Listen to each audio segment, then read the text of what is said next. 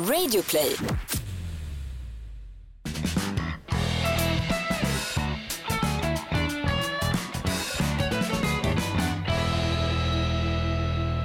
Vad är det man brukar säga? Titeln på ditt sextape? Okej.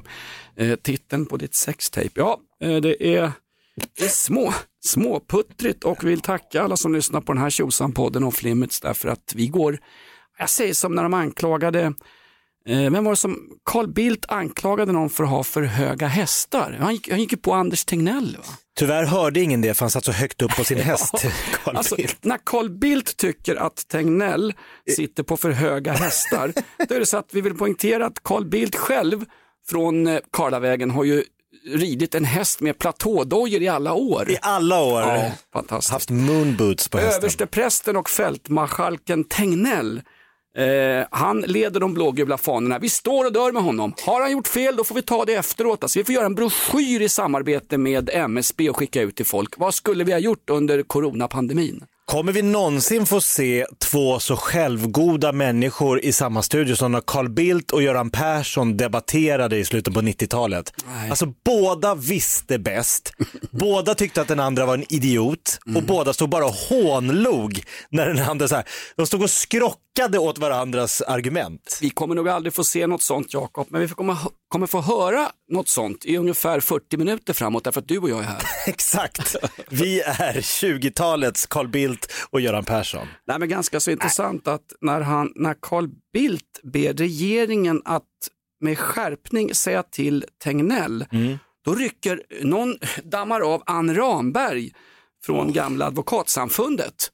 Eh, Hon som är nästan jobbigare än Elisabeth Massi Fritz, fast det går inte att vara. Och hon säger att det är anmärkningsvärt att Carl Bildt, borgerlighetens eh, fanbärare, ber, en mynd, ber regeringen eh, att tysta en myndighet. Det går emot, alltså folk blir, folk blir konstiga i coronatider. Ja, men det går varvet runt. Ja, verkligen. Hörde på tal om coronatider. Är det, inte, är det inte en högerledares liksom per se att vara emot myndighets-Sverige? Ja, Så någonstans. att det är märkligt att, nej, nu, nu, nu passar det icke. Nej. Eh, Jag tror att det är problem i äktenskapet. Domestic problems brukar vara när politiker gör märkliga utfall. Fråga Boris Johnson. Nej, men när Carl Bildt eh, rusade ut sådär och sa att Tegnell skulle hålla käften internationellt sett, eh, då tror jag att det är problem hemma. Vad heter hans fru? Hon, eh, Anna Corizza Chorizo Bildt va? Anna Maria Chorizo Bildt som säljer italienska delikatesser på nätet. Eh. På torget. Du, på tal om Tegnell, fantastiskt kul. Alltså världens kanske eh, främsta eh, skjutjärnsjournalist, världens tuffaste journalist, Steven Sakor på BBC Hard Talk. Han bjöd ju in Tegnell och Tegnell är med på en länk och jag tänker, oh det här. Man sitter Tegnell, med... han tackar verkligen ja till Ja, allt. visst, han är så självklar. Eh, Otroligt. BBC hör av sig, vill du vara med? Ja, men- ja, jag kan vara med där. Han är ju vår tids Axel Oxenstierna. Han är en, en ämbetsman som tar över det landets ledning inte mäktar med på något sätt. Eh, och han fick bland annat frågan munskydd på eh, vanliga medborgare ute i samhället. Varför har ni inte det i Sverige? De flesta länder överväger att ha det. Tegnell, lugn och fin på knagglig skolengelska. I Sverige jobbar vi med tillit. Om man är sjuk i Sverige stannar man hemma. Så vi behöver inga munskydd ute på stan. Oj. Och Steven Sakor höll käft. What? BBC Heart och googla skiten där hemma gott folk. Fantastiskt. Det, han, är, han är så tuff så att Sveriges Radio och SVT skulle gå en, en kurs hos Steven Sakor eh, därför att han ställer följdfrågor. Han ger sig inte med ett svar utan han fortsätter tragga in. Där, mot Tegnell, blev även, även Steven Sakor tyst. Ja men är inte hela hemligheten med Anders Tegnells eh, claim to fame att alla som lyssnar och ser honom får upp en bild av sin gamla SO-lärare. Han ser ut, låter och klär sig som en SO-lärare. Lite så här fumlig, kommer in, upp, på whiteboarden. Jaha, idag ska vi prata om det här. Och så liksom så här, exakt. Ja. Alla SO-lärare har sett ut som Tegnell genom alla tider. Och sen är han som en mellanchef på Säpo. Han har liksom fotriktiga dojor, dressman, kostym och sen så pratar han om saker som ingen annan i stort sett har någon insikt i. Om men nå- det är klart man inte kan något om Nej. epidemiologer. Nej, nej, för vill man ha riktiga epidemiologer då får man gå ut på Facebook. Jag har 6 000 vänner varav Jaha. 4 000 vet bättre än Tegnell. Om jag har flest döda i hela Sverige. Jag har ingen aning om vad som gäller. Jag vet bara att nu får vi rä... Vi får...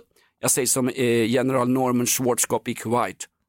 Bring plenty of body bags. Oj. Det här kan bli saftigt. Ja men det är ju så Jakob. Ja, du menar att vi i Sverige har, om man, vad var det någon sa, om man lägger ihop Finland, Norge, Danmark, Island, gångrar det med tre, då kommer man nästan upp i Sveriges dödstal. Ja, det ser ju inget vidare Nej, ut det är alltså. just nu, men det, det är första halvlek bara brukar de säga. Ja, det känns som en sån här Nordiska rådet eller en sån här eh, fyrnationsturnering. Vi, vi tävlar i såna här märkliga tal. Alltså, det är bisarrt Jakob. Ja, det, just Det är nu. människoliv vi pratar om.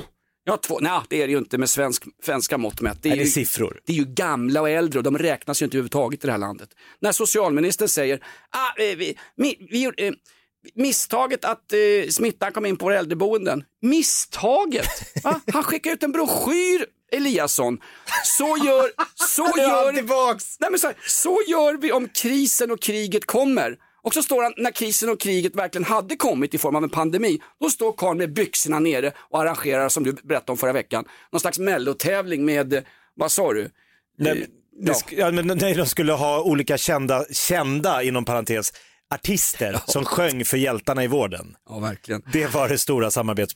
Men du, du säger att de äldre, man skiter i dem. Jag säger som Bosse Hansson, de ungdomen jag satsar på. Satsar i möjligen. Ja, På kanske. tal om någon som står med brallorna nere, ja vi måste gå dit. Sverige har fått sin första självförbrännande munk. Va? Det handlar om Bella Italia, al dente, pastasås. Hör på det här Jakob. Oj, oj, oj. Vad snott Lyckliga Gatan?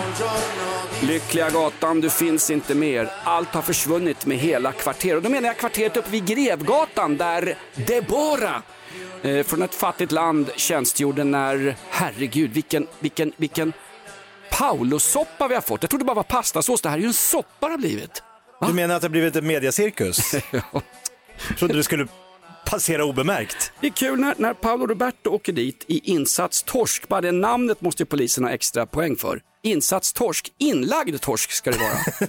Paolo Roberto ska ligga med en prostituerad en torsdagkväll klockan 19 var det bokat, 1500 spänn swishat och klart. Blir påkommen med byxorna nere, åker därifrån och i stort sett på hemvägen blir kontaktad av TV4 och du kan jag bara gå, åka in och be om ursäkt här hos Jenny Strömstedt i direktsändning. Ja, det går fort. Självklart Paolo, vi tänkte bara sparka dig från alla uppdrag på TV4 men först ska vi krama det sista ur den här eh, gnockipungen och, och ha med dig i en intervju. Aldrig någonsin har så många sett Jenny Strömstedts program som när Paolo satt där och hasplade ur sig en ursäkt för det som hade skett. Torka mozzarellan så kör vi, sa de. Nej, men eh, jag hörde till och med att eh, prins Carl Philip och hon prinsessan eh, Sofia sa att de sparkar Paolo som samarbetspartner för sin stiftelse. För de sa att det han har gjort ligger inte i linje med våra riktlinjer. Nähä?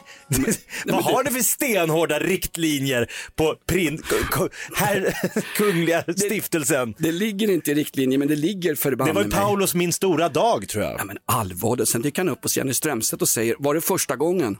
Ja, visst. Ja, men, ta socialt avstånd från sanningen åtminstone. Vem mediatränade honom? Var det Kaj Linna eller var det Stefan Löfven på fyllan? Ja, men han skulle ju aldrig åkt upp på den där intervjun nu. Han var ju ett Han- fritt fall. Ska han då sitta i TV4 och förklara vad som har hänt? Det är ju orimligt. Nu är han högaktuell för en comeback på fyran. Bonde köper fru. Alltså ska han ta över den? Ja. Nej men det är så märkligt. Alltså, man, kan, man kan raljera och det är en massa offer och jag tycker det är bara en sunkig jäkla soppa. Men vi har ju ett uppdrag här Jakob att granska sånt här. Hörde du att Coop, det fanns personal på Coop som när nyheten var ute att han hade gjort det här på Grevgatan inför, eh, ja, inför, Inför öppen ridå? Ja, verkligen. Då lyfte personalen på Coop bokstavligen ut hans pastasåser ur hyllorna. Precis när nyheten läckte? Exakt! Va? Ica Nära i Herrljunga, de hade några glasspaket från Paulos som är hans brand. Paulos Gelato. Vi, jag citerar ur en intervju i Expressen dagen efter. Ica Nära i Herrljunga, vi kastade ut glassen på gatan. En ICA-handlare Wow. i Dalarö, en ung tjej, hon talade ut också i Expressen dagen efter det hade hänt. Som ung företagarkvinna var jag så arg när jag hörde om det här så jag bara skrek rakt ut. Oj! Tänk att gå in på en ICA-butik i Dalarna, ska handla lite, lite Ah, vad har hänt? Vad har hänt? Vad har hänt? en tv-kändis har legat med ett fnask. Ja, då är man irriterad och uppjagad. Ja, verkligen. Hörru du, eh, om hon blir så uppjagad för den här grejen, Hur skulle hon ha reagerat om Hermann Göring hade åkt förbi för att köpa lite massariner? Det är ungefär på samma sätt. Pol Pot köper lite maränger. Ah! En butik, en butik hade ju sagt att vi, vi, vi ger bort alla Paulos produkter, sa en butik. Eh, jag tror att det var en, en Hemköpsbutik. Vi ger bort alla Paulos produkter om du eh, lovar att swisha pengar till, vad heter det, Tabita. Den här organisationen som, Ja, jobbar, det, med, som jobbar med- ut, jobbar med utsatta kvinnor. De som röstade bort Örjan Ramberg ur ordförandeposten. Han satt som ordförande länge. Ja, Ja. han låg som ordförande väldigt Det länge. var Ann Ramberg, inte Örjan.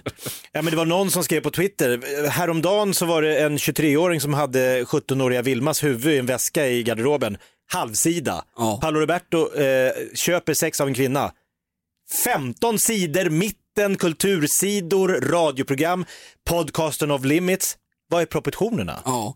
Eh, ja. Ska vi då också passa på att säga att vi tar självklart avstånd från handlingen och vi tänker så klart på kvinnan från det utsatta landet. Deborah. För jag har pratat om det i radioprogrammet Mix Megapol. Och bara att sa vi ni där då? Nej, men vi pratade om det och vi ringde upp Thomas Bodström som är justitie, tidigare justitieminister och frågade varför er- erkände han på plats? Vad har han att vinna på det? Har Bodström erkänt? Bodström erkände på plats. Nej men varför erkände han på plats? Varför sa han bara, som när man åker fast för fortkörning och säger, erkänner du på plats så får du böter, annars kan det här gå till rättegång. Då säger man alltid, jag, nej, jag, it wasn't me, jag körde inte för fort. Och så hoppas man att det här ska rinna mellan stolarna. Men att Paolo Roberto erkänner på plats, det var ju för att slippa rättegång. Därför att han skulle få ett, eh, hur jag nu vet det här, jag har en kompis som har gjort det. Man får då ett straffföreläggande och sen hoppas man att eh, saken är utagerad. Men däremot är ju polisen är Ja, och du kan be att få domen skickad till jobbet och så slipper frugan läsa, oj herregud, har du varit på Grevgatan? Jaha, okej, hur gör man då? då? Nej, och då var det någon som hörde av sig till Mix Megapol, bara för att vi ringde Thomas Bodström och sa, varför tror du att han erkände på plats? Så ringde folk och sa, hur kan ni tycka synd om den där pastalurken? Som... Tänk på kvinnan i fråga. Alltså, så, bara du nämner Paolo Roberto så är det som att man då eh, ignorerar kvinnan i fråga, vilket det såklart inte handlar om. Absolut inte. Mm. Jag känner mig lite orolig Jakob. Ja. Jag känner mig illa till mods. Jag känner mig som en eh, taxichaufför som med gabardinbrallorna på sniskan rusar ner för trapporna på Grevgatan 4 och vi försöker undkomma polisens kameror. Vi håller med varandra. Det, det, är det off limits det här? Var, det, Nej. var det Lindskov? Men ändå sitter vi varje sommar, hela svenska folket, och sjunger Evert Taube-sånger på eh, Flickan i Havana, hon har inga pengar kvar. Så Han sjunger helt öppet om horköp i Argentina. Ja, eller Deirdres samba med Cornelis Vreeswijk. Men det är i och för sig en antilåt mot att man inte ska, att inte Deirdre ska sitta på uh, höftkulorna och dansa samba på en. Tommy Berggren gick ut i sin självbiografi och Ja. erkände att han hade köpt prostituerade. Alltså, Han fick, proportionerna han snackar jag om fick ju mera skit, Tommy Berggren, för, den, för sina memoarer. Eh, dels därför att de var ungefär 800 sidor för långa. Det är som Ulf Lundells eh, anteckningar från ett källarhål. Ja, men kommer du ihåg, eh, nu som det, vad står det? Boka tid, Grevgatan, Debora. Är du, vad är du? ja, det här är på, där står det det? Nej, det var, jag har paddeltid om en timme. Ja, Jakob är bipolär så att hans andra personlighet undrar var han är någonstans. Nej, men det var så märkligt. Andra saker runt den här, den här cirkusen, det var varför efter tusentals informationskampanjer, varför bär inte Paolo Roberto munskydd och tar socialt avstånd? Nej, då ska det köttas och gnottas och, och, och, och, och kokas över på pastan. Men du men- menar att han inte har lyssnat på Anders Tegnells eh, re, eh, rekommendationer om social distans? Nej, absolut inte. Ingenstans. Du, eh, Men Italien har lättat på reglerna. Han kanske följer italiensk lag. Vad heter han? Conti? Conti, Presidenten i Italien. Sjustjärnerörelsen, Mm-mm. Eh, det närmaste Mussolini vi kommer i, ett, i en, snygg, i en snygg lyxförpackning. Så är det. Hörde, nej men de som hoppade av, eh, Paolo Roberto, det var ju Coop, Ica Maxi, TV4. Körunda hotell och konferens, Ja. TV4, Riks FM. Eh, Ja. Fast vad jag har hört, eh, de är ju radiokonkurrenter till mig på Rockklassiker så att Riks FM har hoppat av sina lyssnare också. Pow! De störtdyker ner i Marianergraven alltså. Och rockklassiker går som tåget. Ja, verkligen. SJ-tåget, inställt för det mesta. Resia.se, han skulle arrangera resor till Italien. De är ju omstyrda nu. Nu går resorna direkt till Rumänien och en förort till Bukarest där Deborah var uppväxt. Hörru. Ja. Jakob, eh, alltså det är ju, det är ju skillnaden på om du och jag hade åkt dit, det är ju att du hade, ja, du får nog inte sända på några veckor, vi får sätta dig i karantän. Han tappar precis allt Hans- smör i hela Småland. Exakt. Har man hög svansföring, skäller man ut feminister i svensk tv på bästa sändningstid, då får man ju stå sitt det är kast. öppet mål. Det är öppet mål. Ja. Alltså, det, Det var fel kille, eller så här, rätt kille för en viss typ av, så här, eh, jag kan tänka mig vrålet på Södermalm Ja. på Medborgarplatsen. Yes, det var han! Honom ska vi ha! Alltså, han har ju kört sån jävla machostil Ja. och det har inte gått hem i alla stugor. nej, faktiskt inte. Och det finns en massa offer. Han, han hade nyss köpt vingård med, med eh, sin... Vad är det som plingar Jakob? Jag har köpt en ny sån här uh, smartklocka. Alltså det är en... Ja, Jakob har elektronisk fotboja efter insatstorsk med Stockholmspolisen. Har du köpt? Sponsorgrejer eller? Nej, jag vill nej, också nej. ha. Jag har betalt. Dyra pengar. Det, man kan läsa mail i klockan. På tal om, vad står det då? Ingenting, nu är något, jag ser inte, jag, jag har ingen syn. Det är helt meningslöst. Han har ju, eller hade ju ett eh, matvarumärke som heter Paulos. Eh, den kvinnliga vdn där, produktchefen för den, hon blev ju intervjuad och sa, hur gör ni med ert varumärke nu? Ja, uh, lite problematiskt. Vi, fund vi, vi funderar på att byta, byta ifrån namnet Paulos till något annat. Nähä! Testa det! De sa, vi vill inte känna, vi, vi tycker att produkten är lite kopplad till personen. ja. är det? Ni har bara ansikte och namn, så ni tycker kanske att det är för stor koppling. Det var i samband med Panefresco, den här uh, pizzarestaurangen som finns på Åhléns, den finns i Hammarby Sjöstad, de skulle upp, upp i Fältan. Ja, vi, vi, vi känner att vi kanske är lite för kopplade. Det är han som har startat restaurangerna och nu ska alla, alla vända honom ryggen. Ja, men det är ju så det funkar. Det är ju så det funkar och det måste han ju ha vetat när han Men bokade de här in. elva andra tjommarna som var på samma ställe, de får ju inte samma typ av straff. De får ju antingen lite dagsböter eller max några månader i finkan. Mm. Det är märkligt också att dagen efter när den här stora polisinsatsen fortsätter, det var 18 polismän som var ute och jagade folk på olika eh, thaimassage-salonger. Och vad hittar vi väl där? Då hittar man en polis Ja, på dagen plats. Efter, dagen efter, Hur tänker han? då är man Ni desperat. vet att Operation Torsk pågår. Ah, vad är chansen att blixten slår ner två gånger? Oj då, helvete, det är min polare. Ja, lite grann så var det. Hörru du, eh, från Il ragazzo della Via Gluck till den självförbrännande munken. Eh, kommer han tillbaks, eh, Jakob? Alltså, den position han har idag kommer han ju aldrig hamna på igen. Det är Nej, men jag kört. menar, kommer han tillbaks till Grevgatan? Menar? Ja, det kommer han göra. Det- det- han, missar, det. han har en tid där på torsdagar. Det är fruktansvärt alltså. Vad var de sa förut, efter, efter, eh, efter 25 år som bordellkund får man ingen guldklocka Jakob, vet du vad man får? Nej, Ett gökur. ah, såklart. Buskis! Du, har du hört den här eh, amerikanska, det finns så mycket Men det olika- låter ju också som att om Paolo Roberto bara slutar gå till prostituerade, då slutar problematiken med prostitution worldwide. Det lät ju som att han var huvudorsaken. Du vet, bara i, bara i Tyskland så finns det 400 000 eh, aktiva prostituerade. 400 000 och där är det lagligt. Oj, oj, oj. Mm. Det är de som kan få liggsår klassat som arbetsskada. Exakt så. Nej, men det är ju solkigt och sunkigt Jakob, men, Ja, men eh, det är ju ingen som ifrågasätter, men det blir som att han, slipper vi bara Paolo Robertos fredagsbesök på Grevgatan, då, då, då, kommer, ja, men då blir det lättare för de här stackars flickorna. jag tycker att rätt ska vara rätt. Här går jag in som Anne Ramberg med frottétrosor med öppning bak. Det var faktiskt en torsdag, det var inget fredagsbesök. Det var en torsdag klockan sju också. Han kan inte ens Efter något styrelsemöte på någon sån här hemlig italiensk skäggklubb. Det var mycket som var märkligt. Styvelsemöte, Jakob. Hör du, eh, jag vet faktiskt inte. Märkliga saker. Var det, under, var det, var det på det här styrelsemötet, var det övriga frågor? Paolo, idag är det du. Ja, Vad jag som har, händer? eh, ja, jag har en eh, grej här. Uh, Paulos pastasåser, vi ska inte ha några sådana längre. Vi kommer servera rumänskt lunch, lammkött på färskvara.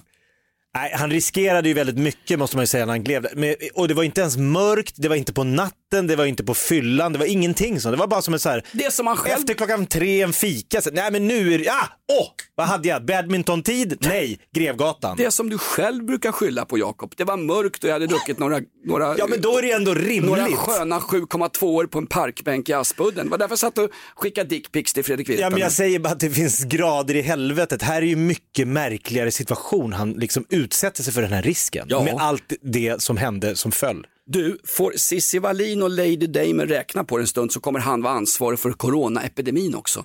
Hörde du Mandelmans som talade ut om coronaepidemin förresten? De sa att vi alltid har suttit i karantän. Ja, exakt. vi märker ingen skillnad. Här har vi varit på, här har Vi vi har inte haft en käft här på 20 år. Nej, men jag tänkte på det, kineser som käkar fladdermöss. Ja. Gud vet vad Mandelmans käkar på gården. Va? Kan de inte ha spridit det också då? Inte vi, ska, alls vi ska ju omöjligt. inte käka wildlife längre.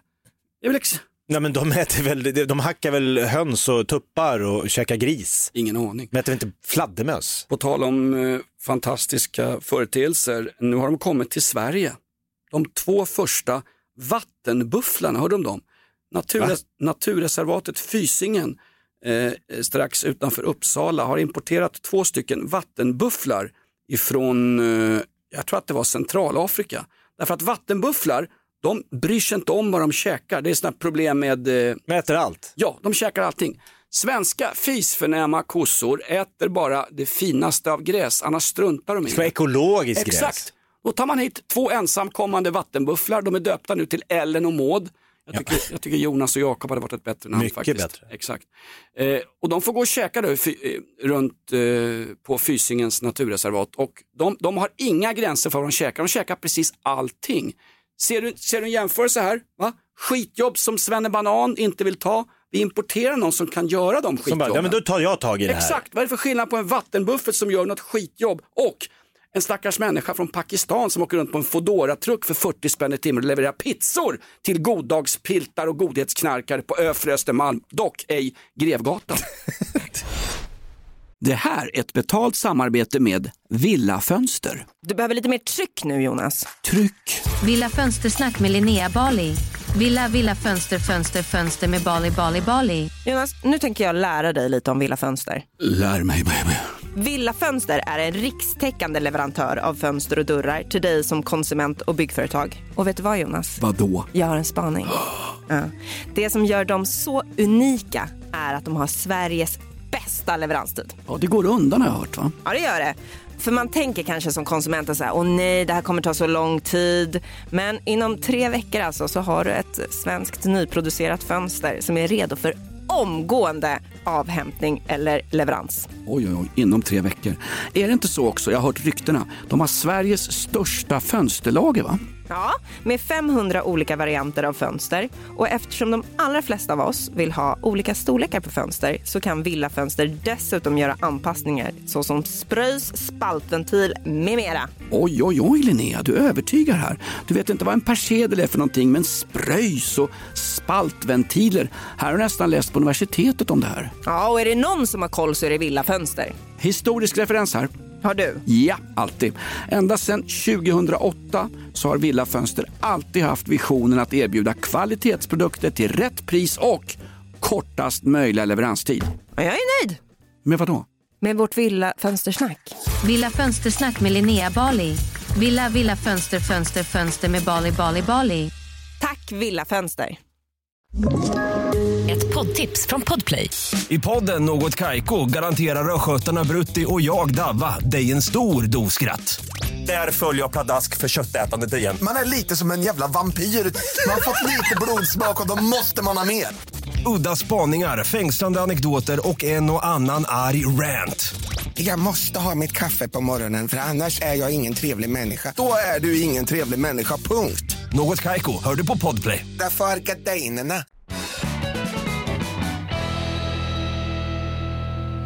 Du, jag hade en gagball. Är det sant? Ja. ja Okej, då startar jag inspelningsmekaniken här då. Ja, ska vi köra live? Absolut. Live från Stockholm, Sverige. Eh, Grevgatans finest. dubbelmoral, Jonas. Det brukar du skämta om att det är väl bra, då har man dubbelt så mycket moral. det är din go-to-skämt om Ja, jag dubbelmoral. Nej, men, Men vad är det för fel på dubbelmoral? Det har i alla fall någon form av moral. Jag säger att Sverige skulle kunna vara, vi skulle kunna stoltsera med första platsen, dubbelmoralens mecka. Vi skulle kunna ha, vad heter den här, vem är det som har byggt den där glasspelaren nere på Sergels torg? Obelisken. Exakt. Det skulle kunna vara som den här svarta stenen i Mecka. Som folk får vallfärda till och gå runt, man ska gå och ta på den där. Ah, Okej. Känner du till den svarta stenen i Mecka? Ja, det är en... Man ska vallfärda, är du en sann troende muslim så ska du någon gång i livet ha besökt Mecka och du ska ha nuddat den här stenen. Det är ju livsfarligt. Hundratusentals människor där samtidigt. Är du en sann troende muslim i en förort i Sverige ska du kunna mecka en holk också. Det ska du också kunna göra. Men vad, vadå, svarta stenen, vadå då? Nej, men jag säger att Sverige har, jag har två exempel som visar på våran dubbelmoral. Eh, under eh, coronaepidemin Ja. så har politikerna sagt gång på gång på gång på gång, lyssna på Folkhälsomyndigheten, lyssna på våra experter, lyssna på våra experter. Har du hört detta? Absolut. Ett mantra. Ja. I veckan så kommer Folkhälsomyndigheten ut med en eh, propå om att vi måste se över våran drogpolitik. Va? Den svenska drogpolitiken fungerar inte. Ja, nu- Folkhälsomyndigheten går ut och säger vi måste se över det här. Vi måste börja titta på hur Sverige har sin narkotikapolitik med alltså, grundforskning, inte de här gamla bjär, vad heter han, bjär, Bjäreld. Han som gjorde en jävla forskningsrapport på 60-talet som vi fortfarande följer. Eh, tro, och hopp och kärleks, eh, bröderskapsrörelsen i sossarna och sådär. Ulf Bjäreld. Ha, Exakt han. En legend även internationellt sett Ja. när det gäller eh, narkotikabekämpning. Vi har ju gått på hans, eh, vi tog ju hans sida kan man säga. Ja, det var väl vet, Ebbe Carlsson, Anna-Greta Leijon och sossenomenklaturen satt och rökte på i Hagaparken på det glada 60-talet. Men det gjorde ju alla då. Jo men nu säger man så här att Sverige har fyra gånger högre dödlighet än EU-standard, än EU-snittet. Fyra gånger högre än EU-snittet. Räknar du corona nu eller? Ja men nej, det här handlar om drogrelaterad dödlighet. På äldreboenden? Nej, i- över Med- hela landet. Med timvikarier? Nej. Bara på rockklassiker i morgonrock. Nej men alltså, och då, sa, då kom experterna ut och sa så här, okej, nu vet vi att det här systemet har havererat. Det fungerar inte i praktiken. Det är en morallag. Vi vill, Morgan Johansson gick ut för tio år sedan och sa, om tio år så har vi noll procents eh, droganvändande i Sverige. Han hade nollvision. Han skulle ju stoppa gängkriminaliteten också Morgan. Hur gick det med det då? Det enda han stoppade var faktiskt eh, toalettpapper i skorna så han blev något längre. Han är uppe på 1,65 nu. Nu sa Lena Hallengren i Aktuellt i Mo- veckan, Mor- Morgan, det, det, det, Alf, Molgan, Alfons- finns han på riktigt? Alfons hade en. Morgan är regeringens låtsaskompis. Ja. Han är inte bara justitieminister, han är ju... Han ser ut exakt som Alfons Åberg. Ja, visst gör han. En konspiration. Ja. Nej men då, nu går Lena Hallengren ut, socialminister, och säger att Eh, då frågar Aktuellt sig, jaha ska vi lyssna på FHM nu, Folkhälsomyndigheten, är det dags att eh, titta över de svenska droglagarna i och med att vi då ligger fyra gånger högre i dödlighet än eh, e EU-snitt? Nej, vi tänker inte se över detta. Nähä? Så i, i, när det gäller corona, då är det så här, lyssna på Folkhälsomyndigheten, lyssna på experterna, lyssna på, och när det gäller då, när Folkhälsomyndigheten går ut och säger, vi måste se över den här, det fungerar inte i praktiken. Vi skiter fullständigt i vad de säger. Experter i all ära, men vi måste gå på, vi, jag har magkänsla, det här funkar. Säg som Bert Karlsson när han dansar jänka med Ian Wachtmeister. Sunt förnuft! Det måste vara sunt förnuft som Det måste råder. vara drag under galoscherna. Problemet är bara att sunt förnuft är det mest subjektiva som finns. Ja men är det Jag inte märkligt? I ena vågskålen så ska vi absolut lyssna till 100% och i andra vågskålen så äh, det där, vi ska inte, jag orkar inte ens höra vad de har att säga. Nej, okej. Dubbelmoral. Så vad ska vi göra och vad är, anledningen till att vi har fyra gånger högre dödlighet bland de som använder tung narkotika i Sverige i, i, satt i jämförelse med motsvarande EU-länder? Vi har högre dödlighet än Portugal där det är släppt helt fritt. Droganvändandet i Portugal är helt fri. De hade lika hårda regler som Sverige för en 10-15 år sedan. Jag säger inte, jag, jag lägger mig inte i debatten i, i sig, jag bara säger att det är märkligt att å ena sidan ska man lyssna och å andra sidan ska man inte lyssna. Det blir dubbelt. Tyst allihopa, det är presskonferens med Folkhälsomyndigheten här. Vad gäller ämnet? Det är narkotika. Stopp, stopp, här bryter vi! Ah, jag har ingenting, jag har ingenting. Ja, jättebra. Jag, jag säger bara att någonting, alltså morallagar fungerar sällan i praktiken. När det är någonting som så här, socialministern vill inte att folk ska ta droger. Jag tycker det är hemskt. Ska man hålla på och knarka? Det är väl trams. Sluta med det. Men människor gör ju nu detta. Ja men det är väl samma sak som att folk går till prostituerade. Folk har fått, Sverige har fått en jäkla massa skit internationellt sett därför att vi har en lag som säger att vi straffar inte den som säljer sex, däremot den som köper sex. Och Ett av de få länder i världen som har Vi det. gör ju det för att skydda utsatta kvinnor. För att om vi, om vi förbjuder den som säljer sex, som man har gjort i andra länder, då hamnar vi ju att de får stå i något garage någonstans eller på någon pastasåsfabrik någonstans, inte vet jag. Eller på någon vingård i Italien och sälja sex. kan och, då, och då har inte då har inte polisen och samhället samma insyn. Nej men det var där jag kommer till nästa exempel på dubbelmoral. Det var, jag märkte på Twitter, jag hamnade i bråk, av en, på Twitter av alla ställen. Vad var, det, vad var det Vilhelm Moberg en gång sa? Livet är för kort för att tjafsa med främlingar på nätet. Ja, det har jag verkligen upptäckt i helgen. Nej, men det var en massa komiker, eh, du vet de här finaste komiker. Den- här klockan, jag måste göra mig av med den. Vad sa den på, det var någon som sa på rumänska, du är bokad till helgen. Grevgatan i helgen. Ja. Hörru, Shh, jag fråga- Operation Torsk pågår. Du, eh, får jag bara fråga, eh, du säger att alla komiker har, har inga arbetstillfällen just nu. Jag märker det på 7000 memes om Paolo Roberto. Herregud. Alla vill hitta det roligaste. ja, verkligen. Torsk med pesto. Men vad var det för bra, vad, vad, vad heter du på Twitter Jakob? Du kan ju få en följare här. J-A-K-O-B-O-Q-V-I-S-T. Jakob Ökvist. Eh, Okvist. Eh, men, Eller bara ät insatstorsk. ja, men om man söker på mig nu då får man upp en, en debatt mellan mig och Martin Soneby. Martin Ballar av stål Soneby, så den hårdaste av de hårda, som tyckte att jag var en idiot som i helgen då, jag kanske inte skulle ha gått ut så här tidigt, men det var så kul tyckte jag att Tidigt se och tidigt, klockan var sju en torsdagkväll på Grevgatan. Politiker och komiker skrev, de som hårdast liksom gick på Paolo Roberto och ville skjuta han i gryningen, de ville sänka han i smält pesto, de ville liksom, mannen ska bara dö. Då så här, började scrolla lite så här, vänta lite, jag hade ju en debatt för några år sedan när det handlade om eh, de ökade gruppvåldtäkterna i landet. Får jag bara säga? Ja. Då ska jag säga, men det här, och då börjar folk så här, oj oj oj, sluta bråka om det här. Sociala, det, det, det var en politiker som ut och sa, det här handlar om bostadsbrist, det handlar om eh, brist på manliga förebilder, det handlar om eh, att de eh, känner sig förbisedda, bla bla bla bla bla. Och så hade jag en debatt och sa att jag tror det är ett sluttande plan om man i gruppvåldtäktens namn börjar prata om social eh, att jag själv då kommer från ett så kallat utanförskapsområde. Om alla där är dömda, det är så jävla arbetarklassförakt. Att de klarar inte av, de börjar direkt råna och slåss och skjuta och våldta. Så är det om man har det lite trångbott. Nej, Jakob, arbetarklassförakt i en mening det är att du flyttar ifrån Viksjö till Solsida Nacka i en 15 miljoners villa. Där har du klassförakt. Jaha, du vill att alla som är uppvuxna som jag då i, b- b- b- i Rännsten, vi ska stanna där. Vi får inte göra en, någon form av social resa överhuvudtaget. Jag ska, inte Fy fan. jag ska inte citera Sonja Åkesson någon mer gång, men hon har en gång sagt, det är inte mitt fel vem jag är född till. Så är det. Ja, så är det. Nej men för då var det just de som var mest så här äh, sociala eh, förklaringar. Eh, de som högljuddast sa att de var också de människor som hårdast ville straffa Paolo.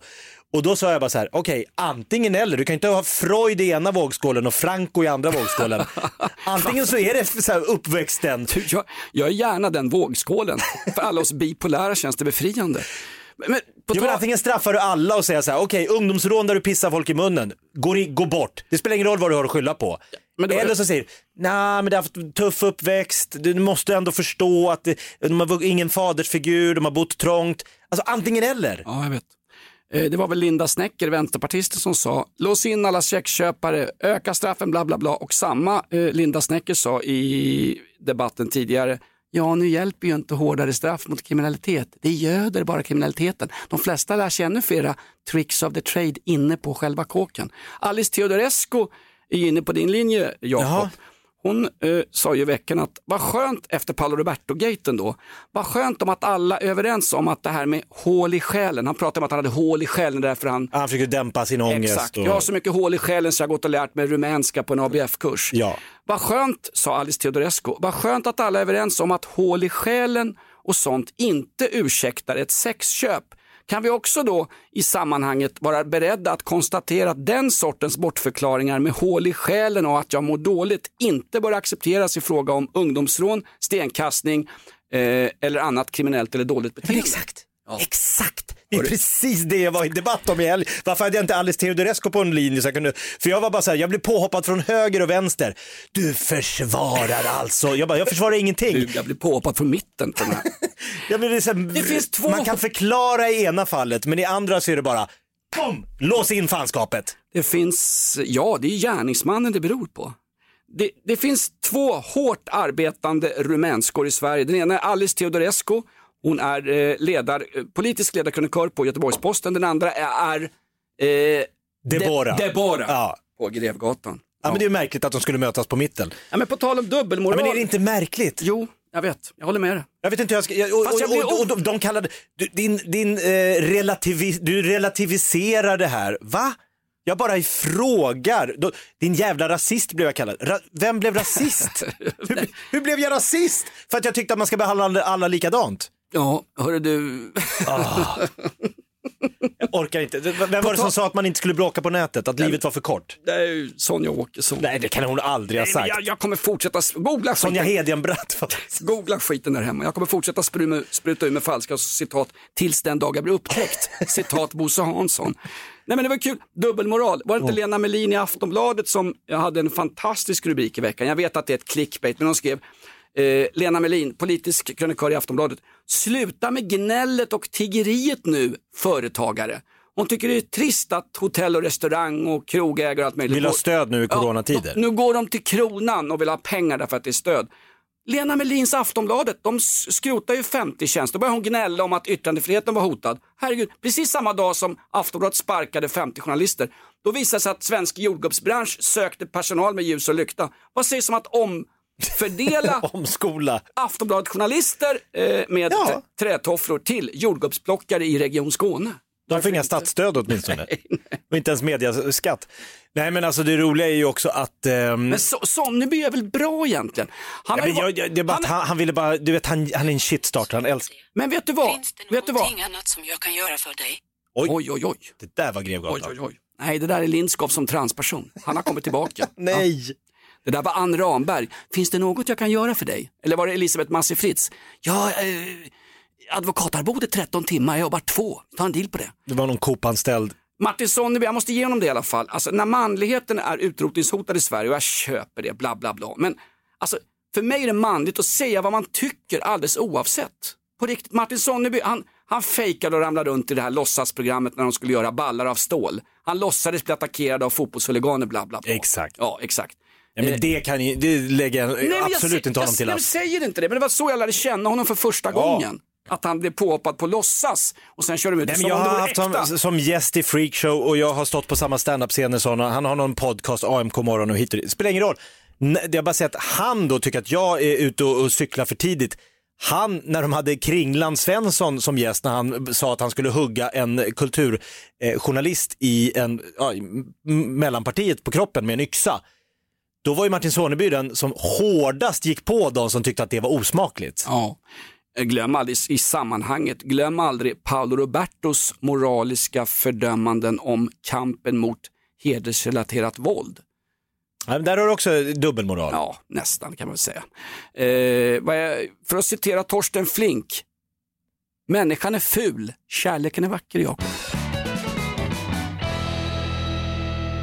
USA, eh, nu käkar ju malariamedicin, Donald Trump förresten. Jag, jag har lite av en gagball här. Jag lyssnar en hel del på amerikansk radio. Ja. Och den är trist därför den är så förbannat tillrättalagd när det gäller svordomar. Däremot, riktig åsiktsfrihet hör du nästan bara i amerikansk och brittisk radio. Man får en chock som svensk, om du bara har lyssnat på Sveriges Radio i, i 40 år och så slår du på och lyssnar på engelsk eller amerikansk radio eller podcast så blir man så här, what? Ja. Olika, helt olika åsikter vädras unisont. Nästa gång någon säger åsiktsfrihet råder i Sverige så är inte det riktigt sant. Nej. Jag vill inte gå in på några ämnen här men Nej, men det är en enorm skillnad. Man Absolut. får sig en chock. Ja, det är som när man som polisman rusar in med eh, mobilkameran på Grevgatan. Man får sig en chock! Jag hörde i Studio 1 i P1 så hade de en debatt om eh, sexköpslagen och så, de hade fyra experter. Tror du någon Hade legat. Nej, tror du någon hade något att säga illa om sexköpslagen? Jag säger inte att jag tycker att den, är, att den är dålig, jag bara säger att det, den är världsunik, alltså vi sticker ut i världen, ändå tycker vi att alltid alla andra är galna som inte har samma åsikter som oss. Tänker du på eh, coronakampen nu? Där också till exempel. Exakt. Om alla hoppar... Abortlagar, alltså, och, och, vi kan bara fortsätta, vapen, vad vi än pratar om så sticker Sverige ut. Vi är ett litet unikt land, men i våran egen självbild så är alla andra knäppa. Ja, Sven Stolpe eh, sa ju att Sverige har, Sverige kanske inte är bäst på någonting, men vi har världens mest grandiosa självbild. Vi ska uppfostra andra länder, andra kulturer och andra folk. Vi är små kolonialherrar. Vi är en moralisk stormakt, sa Stefan Löfven. Bara, där, bara den meningen. Exakt. Köp Pasta Morale, den som hette Paulos Pasta tidigare. Nej men det är roligt att höra på amerikansk radio. Då, alltså allsköns människor ringer in med di- diverse teorier om det här med coronaviruset. Det ringde en amerikansk kvinna in till en classic rockstation i Florida och eh, det är så horribelt det hon säger och man tror att skojar hon? Nej, hon fick tala till punkt och det här blev sen viralt. Fantastiskt. En Vad morgon- pratar hon om för ämne? corona Såklart. och varför vissa delar av USA är mer drabbade av corona än andra delar. Så här lät det i en amerikansk morgonshow på FM-bandet tidigare i veckan när vanligt hyggligt Blue Collar America kommer till tals och avslöjar varför coronan har drabbat vissa delstater i USA mer än andra delstater. of Jacksonville and the beaches being open because I think there are some things that y'all just do not understand. First of all, we are not talking about Miami. Miami is where y'all got the virus because down there in Miami you got all them Mexicans and they're drinking all that Corona beer. We do not drink Corona beer here in the city of Jacksonville. We drink natural light. Why do we drink natural light? Because it's natural and because it's light. And we don't drink it in them fancy bottles, we drink it in aluminum cans. And aluminum cans cannot have the coronavirus because they are not glass. They Och här har ju liksom program, Wow. programchefen, morgon-DJn, de har ju svimmat. Rulla bandet, låt låt henne rulla. Nej, nej, Sen- nej, nej, nej. Sen har den här kvinnans make hört av sig därför att de har använt den här i, i promotion stunts runt kanalen. Liksom. Ja, såklart. Ja. Och vad, vad, vad, är hans, vad är hans ursäkt? Eh, jag, jag sa ja till henne vid ett altare, jag kan inte ta ansvar för någonting mer. Exakt, vad är, han, vad är hans ursäkt? Man ska dricka öl i burk, inte i flaska. För Hans- att viruset överlever inte i burk. Hans ursäkt var, jag har ett sår i själen som jag inte blir av med och det gör att jag måste utnyttja människor från tredje världen. I det här fallet skyller de på mexikaner som har forslat in corona. Alltså det, det, är, så, det är så far Det är out. som en sketch. Det är som att Erik Blix har skrivit den. att den går i public service i P1 på lördagmorgnar. Exakt. Du, har vi inte någon liten släng på DN också? Jo. Mm. Eh, DN, eh, DN har ju granskat bitcoinbedragarna under den här veckan. Okej. Eh, bara en sista grej här Jakob. Vem fan Eh, köper bitcoin? ja, vem fan köper DN? Ja, det är samma person. Jag har snoren på jobbet. Eh, nej men en av bitcoinbedragarna är väl i maskopi med eh, den här eh, Tom Hagen. Mångmiljardären som Ja. inte hade dödat sin Han fru. som tryckte ner tanten tillsammans med prima norsk geitost i brunnen och Ja. kommer undan med det. Han är ju frisläppt nu Tom. Ja, han springer, springer fritt på gator och torg. Här har vi, här har vi spanska lagar från 1936. Eh, Men säger det Franco eller Freud? Hur ska du ha det? Du får välja. En freudiansk felsugning tack. Förlåt mig, en freudiansk felsägning. Nej men DN har ju alltid gått ut med att händer någonting på festivaler eller folk som tafsar på någon eller folk som visar pitten på lokaltrafiken. Så Gå fel på Grevgatan. Ja, exakt. Så måste det vara relaterat till den människa man är, den individ man är, den person man är och inte till vilken kulturell folkgrupp man tillhör, vilken etnicitet man har eller någonting. I veckan kom det ju en jätte... Är inte någonstans rättsstaten byggt på individuellt eh, ansvarstagande? Ja, det var det. Att du tar ansvar för dina handlingar och inte skyller ifrån det på allt och alla. Det var det fram tills Kaj Linna blev frikänd från dubbelmordet. Ah. Hur som helst. Eh, En jätte... Det är en som sätter en ära i det här. Peter, eh, Peter Wolodarski är ju inte bara ledare, han kan ju läxa upp också Tegnell i... i eh, Ja, till och med han eh, tycker... till och med, han är den enda som vågar. Han och Carl Bildt. Sug på den här rubriken. Bitcoinbedragarna, det är en artikelserie i DN. Hör här. Kriminella svenskar äger bolagen som lurar pensionärer. Boom! Där satt den! Helt plötsligt så var det en, den etniska gruppen svenskar ska målas ut. Byt ut kriminella svenskar mot kriminella fransmän, usbeker, finländare, kriminella rumäner eller kriminella afghaner. Det läser du aldrig i Dagens Nyheter. Det låter inget trevligt. Kriminella svenskar ägare till bolagen som lurar pensionärer. Jaha, jag som sitter som Svenne Banan med alkoholproblem ute i förorten. Nu känner jag mig utpekad och kränkt av DN. Vad hände med era egna regler DN? Jag vet inte Jakob. Inte alla män, hashtag. Backa Debora, hashtag Grevgatan. Finns Hörru- den nu? Nej det gör den inte. Du det blev sunkigt det här Jakob. Det var ju sån. Jag Ja, men det är inte vårt fel att världen eh, är upp och ner och att folk beter sig som de gör. Vi, vi, vi, bara, vi är bara två eh, speglar med samtid, samtidens speglar, Jonas. Vi är bara två munkar i ett brinnande kloster kallat Sverige. Så är det. Hörde de eleverna på Kymlingeskolan som nu har slutat gå i skolan och istället tillverkar munskydd och visir till vården? På skoltid? På skoltid. På träslöjden? Är det här bra eller dåligt? De, lär sig väl, ja det beror på vad, i framtiden kanske bara det finns visir och munskyddsoperatörer. Eh. Nu är jag Steven Sakori Hard Talk. Är det här bra eller dåligt? Svara på frågan. Dåligt! Varför? Ja, men ska de inte gå i skolan och lära sig något annat än att göra visir och munskydd? Och Syslöjd och träslöjd? Och framförallt om jag jobbade inom vården och jag fick en uppsättning munskydd och eh, visir. Jag skulle inte vilja att de var tillverkade av en femte klass på Kymlingeskolan. Det enda jag lärde mig i träslöjden det var att eh, träslöjdsläraren var bakfull och småkåt. Finns det någon träslöjdslärare som inte har ett alkoholproblem? Ja, det är sant. Han ska gästa nästa vecka. På tal om det, här kommer vår första Nicke gäst. Borg! Nicke Borg från Backyard Babies. Nicke, du ska ta studion efter oss. Du kör ut oss nu. Yes, nu får ni gå ut. Nu är det Rockpodden. Hörru, eh, får jag fråga en sak Nicke? Du bygger en kattgård hemma på, eh, på där du bor. Ja. Hur långt har det gått? Hörru? Ja, jag har eh, börjat med grunden. Ja. Men ju mer man ger sig in i det där, desto svårare blir det. Det är lika bra att bygga ett helt nytt hus, känns det som. Ja, det känns det. Gård? Ja, det är klart de måste ha någonstans att bo. Ja, De måste- självklart. Ja. En egen gård. Hörru, jag har ju tre skitjobbiga hundar. Kan de komma och bo i din kattgård? Vi, Winnie, Bella och Winston, jag orkar inte med dem längre. Skicka på dem. Bra. Jag trodde rockbranschen var svajig nu ekonomiskt. Han bygger egna liksom, uthus till sina husdjur. Stort. Missa inte Nicke Borgs rockpodd. Eh, om du lyssnar på den så har han åtminstone en lyssnare. Kör hårt Nicke! Ett dubbelbokad studio! Wow. Tack för att du lyssnade på Off Limits. Kommentera oss gärna på iTunes, sprid ordet eh, och ja, Flashback har väl dött ut lite grann, men gå in gärna på Flashback och kommentera oss. Vi finns överallt. Take it away! Tack för att du lyssnade på Off Limits. Ett poddtips från Podplay. I fallen jag aldrig glömmer djupdyker Hasse Aro i arbetet bakom några av Sveriges mest uppseendeväckande brottsutredningar. Går vi in med hemlig telefonavlyssning och, och då upplever vi att vi får en total förändring av hans beteende. Vad är det som händer nu? Vem är det som läcker? Och så säger han att jag är kriminell, jag har varit kriminell i hela mitt liv men att mörda ett barn, där går min gräns. Nya säsongen av Fallen jag aldrig glömmer på Podplay.